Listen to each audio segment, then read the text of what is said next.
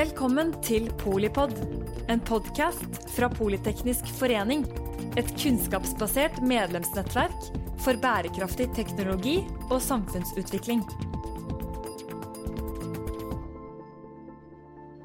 Velkommen til eh, Polipod eh, og en spennende episode om eh, hvem som er sistemann til Nordpolen. Det skal være en samtale om å gjøre det umulige. Og da er det selvfølgelig Børge Ausland som er med i studio. Du er polfarer, du er gründer. Hvordan tøyer du dine grenser, Børge?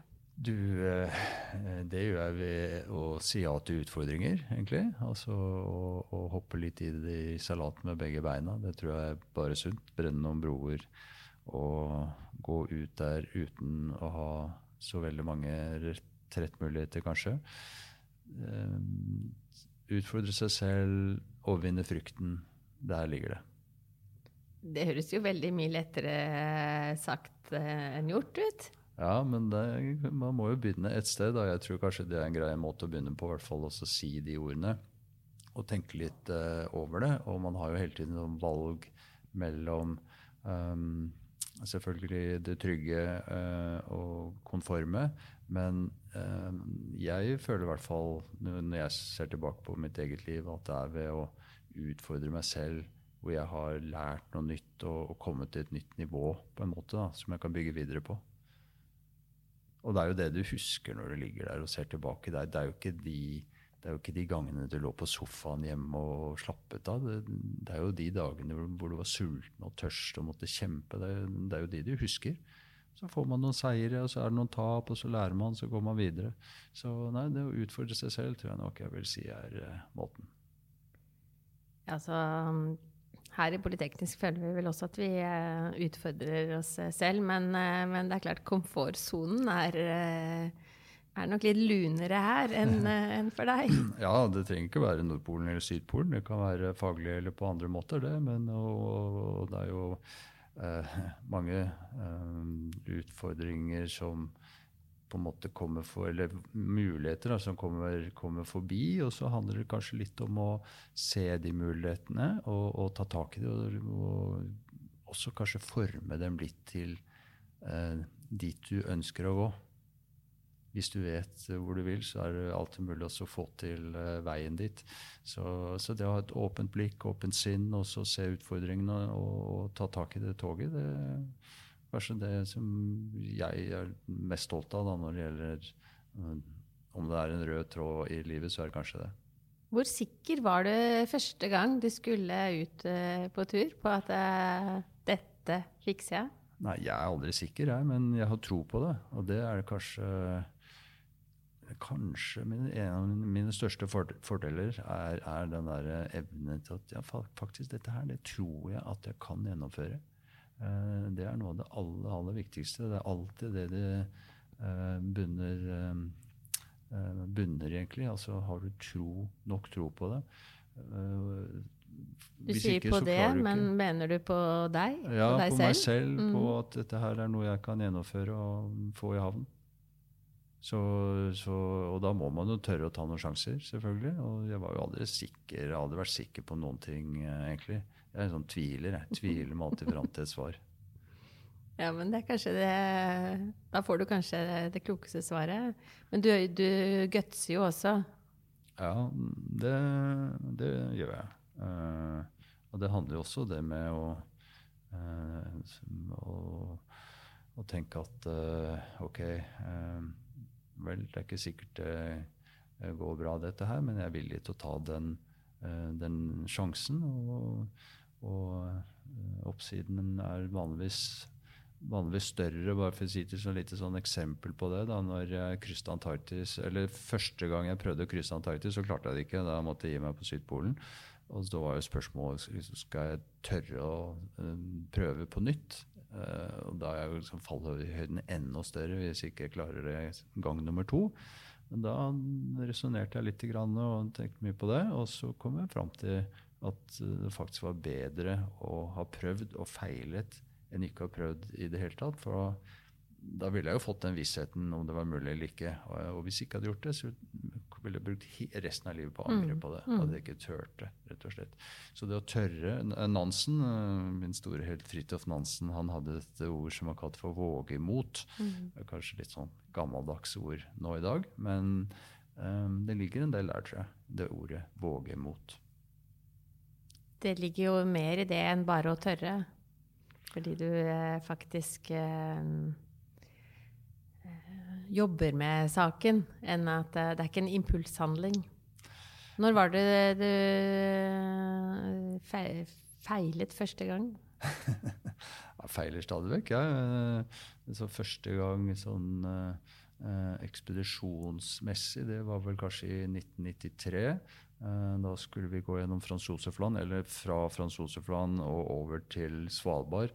Og da, Den turen endte jo med at vi ble hentet med et redningshelikopter imellom Svalbard og Frans Josef-land ute i drivisen der, fordi vi havnet ut i en isstrøm og drev eh, på full fart ut mot Barentshavet. Og isflakene begynte å brekke opp rundt oss, og da, da måtte vi gi oss på den turen. Så, så det var kanskje den første gangen. Hvor eh, har du vært? Fortell oss rett og slett det. Ja, jeg har jo eh, når det gjelder liksom, polområdene, så kan jeg nevne de kanskje viktigste turene var Erling Kagge og Geir jeg gikk til Nordpolen i 1990 uten nettforsyninger. Og i 1994 så gikk jeg alene til Nordpolen. Og i, i 96-97 så krysset jeg Antarktis alene. I 2001 krysset jeg hele Nordpolen alene. I 2006 så gikk jeg til Nordpolen vinterstid. Det var første turen med han godeste Mike Horn. Eh, og i 2007 gjorde jeg også en fantastisk flott tur gjennom Frans Josef Land, hvor vi fulgte Fridtjof Nansen og Hjalmar Johansens spor helt fra Nordpolen og eh, hele den ruta de eh, gjennomførte, og endte opp i Oslo. Sykla fra Nord-Norge til Oslo. Og så har jeg vært en del i Patagonia, krysset begge de to store breene der. Og i, seilte rundt Nordpolen med Torleif Torleifsson i en en liten trimaran eh, gjennom Nordøst- og Nordvestpassasjen. Og eh, hva mer har jeg gjort da? Jo, eh, og, jo, I 2019 så gikk jeg jo krysset gjennom Nordpolen i mørket sammen også mm. med Mike Horn. Og så har jeg nå et prosjekt som kalles for Ice Legacy, hvor vi skal krysse de 20 største isbreene, eller iskappene i verden. Og vi har krysset nå tolv av de. Um, så driver med litt forskjellig. Alle, på alle kontinenter? På alle kontinenter. Um, bortsett fra Afrika. Mm. Altså du, og Oceania er det ingen isbreer. Ikke sant. Jeg tenker du har dine ord i behold når du sier at du skal utfordre deg selv eh, lite grann. ja. det er jo en, så er det jo eh, Ice Legacy. Det, er det fordi isen kanskje ikke er det for alltid? Ja, øh, du kan si at de fleste av turene mine de har jo ikke noe med klimaendringer å, eller for å bevise at isen smelter eller noe. Altså, det er jo eventyrlysten og trange til utfordringer som gjør at jeg drar ut på disse turene vanligvis. Men øh, når det gjelder isbreprosjektet, Ice Legacy, så er det jo også fordi jeg har sett øh, med egne øyne hva som skjer med isen i, i polområdene. Og der ønsker vi å rett og slett fortelle mest mulig av hva som skjer med disse breene. Um, for det landskapet er enorm endring, og det er ikke så mange som drar dit. Og, og du har jo selvfølgelig vitenskapen og, som kan fortelle det med tall, men noen må ut og, og vise med et visuelt bilde hva som skjer, og hvordan det ser ut der. Og det er den rollen der jeg har gått inn i når det gjelder det prosjektet der. Det er jo um, ekstremt viktig eh, det du gjør som historieforteller uh, i så måte.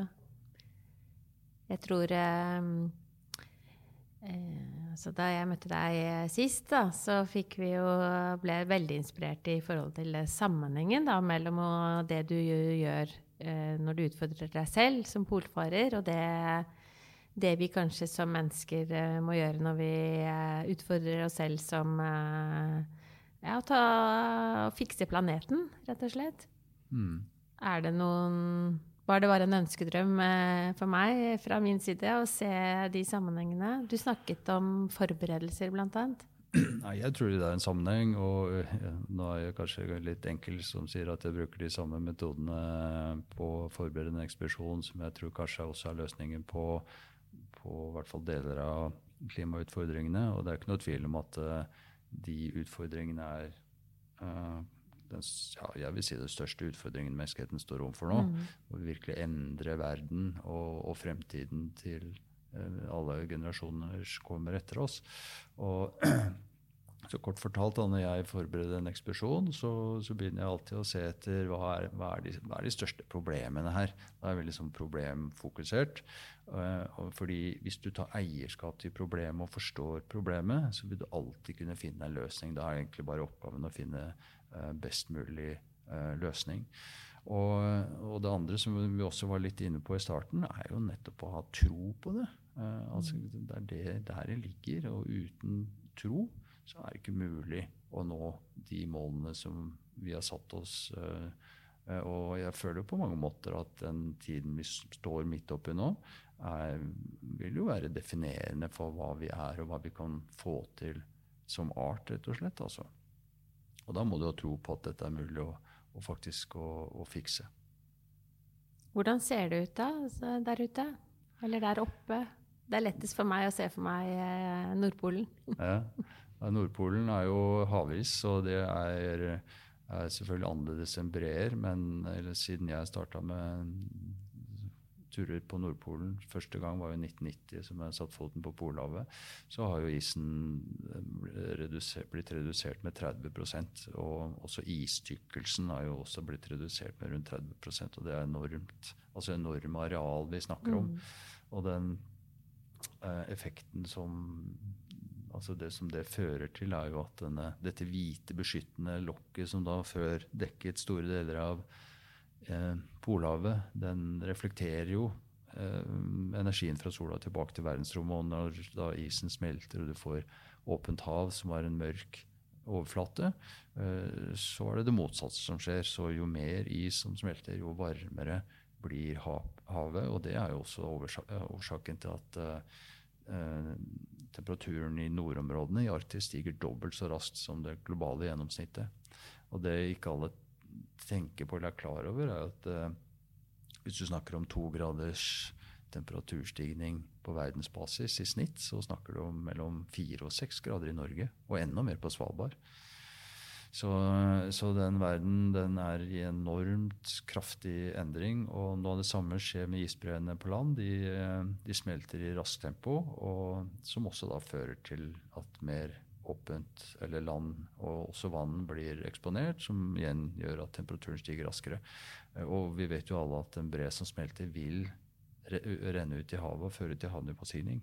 Og det er jo en enorm, kommer til å bli en enorm utfordring når du tenker på hvor mange som bor ved kystnære områder i hele verden, egentlig. Og, og, og selv folk inne i landet, i Himalaya, som er avhengig av en jevn og forutsigbar smelting fra disse store isbreene for, som munner ut i store elver nedenfor Himalaya, de vil jo oppleve endringer i form av plutselig flom og tørke istedenfor uh, det som før var forutsigbart. Så det er ikke bare kystlandskapet, men liksom hele verden kommer til å bli endret. Jeg har vært i Nepal og på en bre selv. Eh, Omtrent eh, faktisk samme året som du eh, startet eh, å fortelle om, 1990. ja. Jo eh, har jeg sett et bilde av hvordan det ser ut i dag. Og uh, det er helt ugjenkjennelig. Mm. Og for uh, landsbyen så var det helt ugjenkjennelig uh, Altså de kunne, den var borte, rett og slett. Men det, du, du, har trua, og det har jo for så vidt jeg òg, og, og, du har og du vet eh, Du løser problemer som, eh, som eh, du på en måte har definert, da. Men, og du sier du går alene, men du snakker jo Du samarbeider, egentlig. Det er jo et stort team. Ja, ja. Det er et stort team bak meg. Selv på disse soloturene så har jeg jo um, venner og andre som jobber og hjelper til, og som er en del av teamet, og som også da i mine tvilssituasjoner rådfører meg med. og og søker råd hos hele tiden. Så absolutt et, et, uh, stort team. Og, og, og tvilen er, vil jo alltid være der hele tiden. Uh, og det samme med uh, klimaendringer og de utfordringene der. Og det er jo fort gjort å tenke hva, hva hjelper det hva lille jeg gjør i den store sammenhengen. Men det er like egentlig å tenke at ja, er du en del av problemet, som vi alle er, så må du også være en del av løsningen. Og hvis alle gjør litt, så monner det til syvende og sist. Og du skal ikke kimse av den enorme forbrukermakten vi har som enkeltpersoner heller. Uh, og så er det sant, problemer Litt tilbake til det. da. Jeg, er egentlig kommet til konklusjonen at problemer er bra. Jeg. Uh, for det er jo nettopp det som gjør at verden går fremover. Det er det som gjør oss uh, skjerpet, den der evnen til å, å, finne de gode løsningene. Så, så jeg er Altså, vi er i en alvorlig situasjon, men jeg eh, velger å ha troa og være positiv. Hvis ikke jeg, så hvem? Ja. Og hvis ikke nå, så når? Ja, ikke sant. Så man må virkelig gjøre, ta et litt sånn oppgjør med meg selv, eller med seg selv. Og, og, i hvert fall um, ta et standpunkt, da. Og så er det jo selvfølgelig mye informasjon der ute fram og tilbake, men først og fremst sette seg litt inn i saken og, og gjøre seg opp en, en mening. Og, og, hvis du kommer til den konklusjonen at dette her går i feil retning, så er det jo, har man egentlig en sånn Jeg vil nesten ta det ned på et sånn personlig moralsk ansvar. Og mulighet. Og mulighet. Øh, og det skjer store ting nå, så øh, Og jeg tenker jo også at sant, skal du kunne se dine barnebarn i øynene. Og, og når du eh, får den anklagende pekefingeren eh, hva, hvorfor, hvorfor, holdt dere på sånn? ikke sant? Ja, men da Jeg gjorde i hvert fall mitt. Mm. Vi har et eh, flott studentnettverk her i Politeknisk. da. De, uh, de, får jo i hvert fall problemene våre. det, det vi ikke har klart å løse. Hva ville du eh, gi dem for råd? Ja, jeg tror ikke det er lett å være ung og student eller ung i det hele tatt eh, uh, i dag. Uh, det, jeg har Jeg kan bare snakke for meg selv, egentlig, da, men jeg har jo valgt å bruke naturen som egentlig løsning og mal på det meste. der finner jeg ro og kanskje så anker, egentlig. Eh, og avstand til å tenke litt og, og filosofere litt. Så, og hvis du også kjenner naturen og friluftslivet, så, så vet du også hva, du, hva, vi er i ferd med å miste.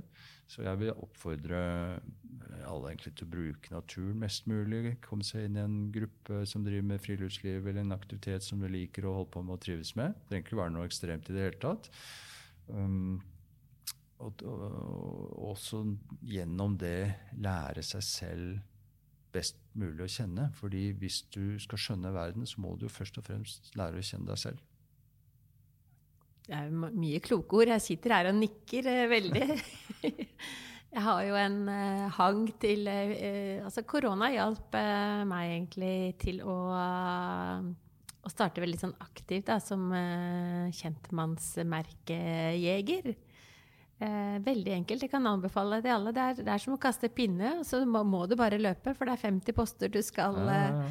Og hva du gjør eh, Bare å komme seg til et annet sted og finne seg selv eh, på, i ukjent eh, mark. Da. Veldig mm. Eh, lærerikt. Ja, så tror jeg det er viktig å ha drømmer, rett og slett. Man må ha, må ha noen drømmer i livet. og, og prøve å ikke bare bli en sånn kopi av andre.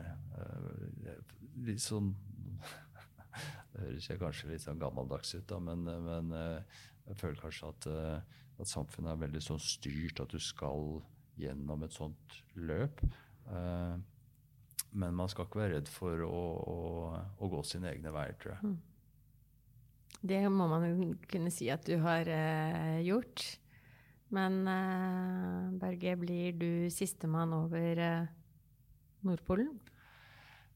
Tja eh, Jeg blir nok kanskje i hvert fall sistemann som gjorde en så uh, røff tur som den til Mike og meg i 2019. Eh, hvor vi da seilte inn i Polhavet og gikk på ski over der i, i mørketiden og, og, seilte ut. Og det handler også om at den var ekstremt vanskelig å gjennomføre sånn teknisk. Og, og, det var vel egentlig bare Mike og jeg som hadde den kombinasjonen av erfaring og kunnskap. Uh, ja, alt, alt, tenkelig, som, som, gjorde at det var mulig å gjennomføre den turen. Men, men um, allerede i midten av dette århundret så kommer nok uh, isen på Polhavet til å være borte sommerstid. Det er dramatisk. Det er dramatisk. Vi kan ikke slutte der. Du må, uh, du må fortelle mer om uh, det skapende gründermennesket, Børge.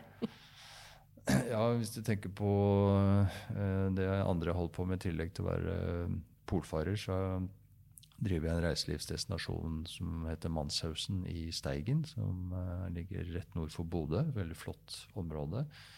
Et sted jeg fikk kjøpt i 2010, og jeg kjøpte egentlig bare for hytte nærme sjøen. Men det var en hel øy som var, til salgs. Jeg fikk kjøpt den, og så begynte jeg å tenke litt på om kanskje jeg burde utvikle den og dele det med, med andre. Og da ja, har jeg da jobbet en del år med en arkitekt som heter Snorre Stinesen, og vi har bygd noen flotte hytter utover på sjøen der, ved sjøen der som har vel vunnet ja, over 40 internasjonale arkitektpriser med det konseptet der.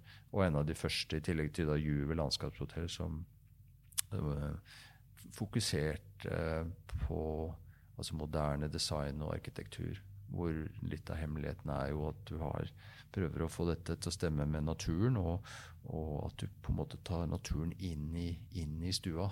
Var noe av det vi ønsket å oppnå. Og det klarte vi Eh, med det prosjektet der. Og det er jo også noe av hemmeligheten med å lykkes med sånne prosjekter her i landet. For hvis du bare skal ha luksus, så kan du like godt dra til Dubai. Det er jo den der usynlige luksusen eh, vi ønsket å skape. Et sted hvor du virkelig lander, og så plutselig er til stede her og nå. For det har jo blitt en, en mangelvare. Mm. Det å være til stede i, i, i, sitt eget liv. Du alltid, jobber alltid for noe som skal skje i morgen eller overmorgen. Så liksom nå kommer egentlig aldri.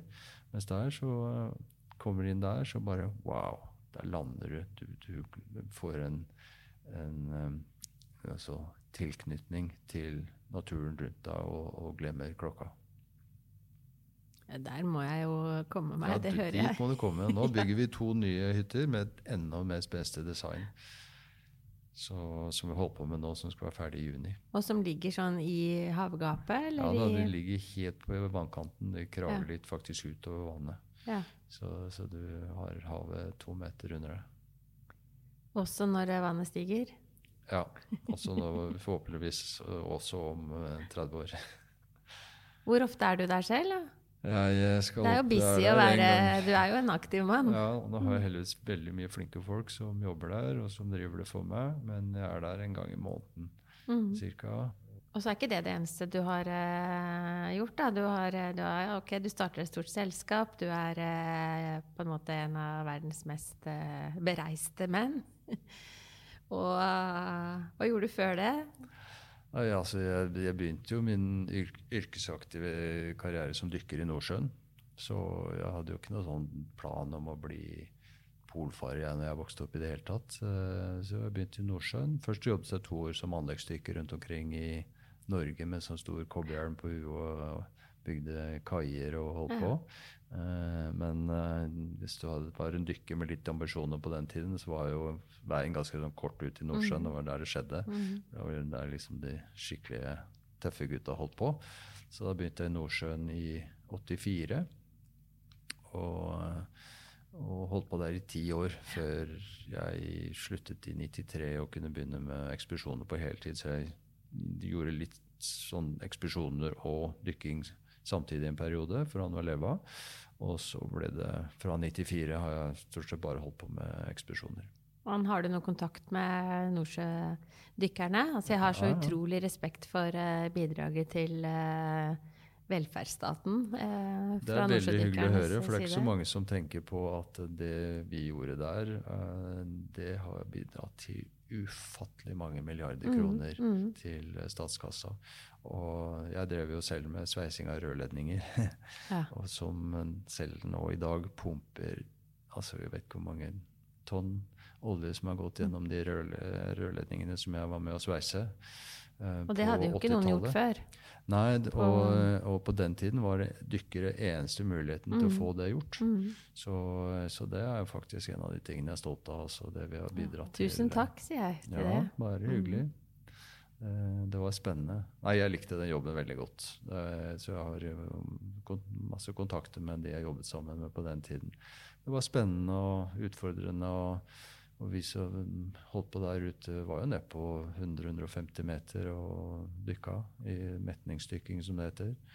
Det dypeste jeg har vært, er 360 meter. Uh, og det er det nærmeste du kan komme å være astronaut på jorda.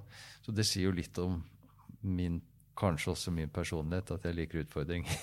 og eventyrlyst. Det er mulig å si lite grann.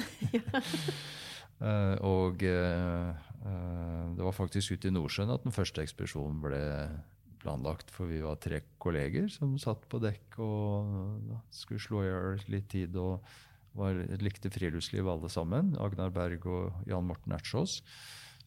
Og eh, vi begynte å snakke om ja, vi, skal vi ikke gjøre en skikkelig tur. Da? Dra på en ekspedisjon eller noe. Og så begynte vi å planlegge den turen over Grønland. Og det var i 1986, den første turen. Nettopp. Det hørtes jo ut som eh, noe vi kunne planlagt, vi som går fra pol til pol, men det er mer sånn eh, fra Lilleaker til Briskeby, på en måte? ja, så må du ikke glemme at, at, vi som bor i Norge, har en ufattelig rik mulighet til friluftsliv eh, mm. i relativt sånn øde områder rett utenfor enkle stuedøra. Og Nordmarka er jo det nærmeste for oss som bor i Oslo, eller setter seg på tog til eh, Finse eller et eller annet sted. Så, det er nok av muligheter også her, altså. Trenger ikke dra til Nordpolen eller Sydpolen. Men det er veldig fint at uh, du har gjort det, og at du uh, vil fortelle oss om det og inspirere oss til uh, Jeg tenker også det større bildet rundt å redde Nordpolen og Sydpolen og det imellom. Ja, må, noen må jo gjøre det òg.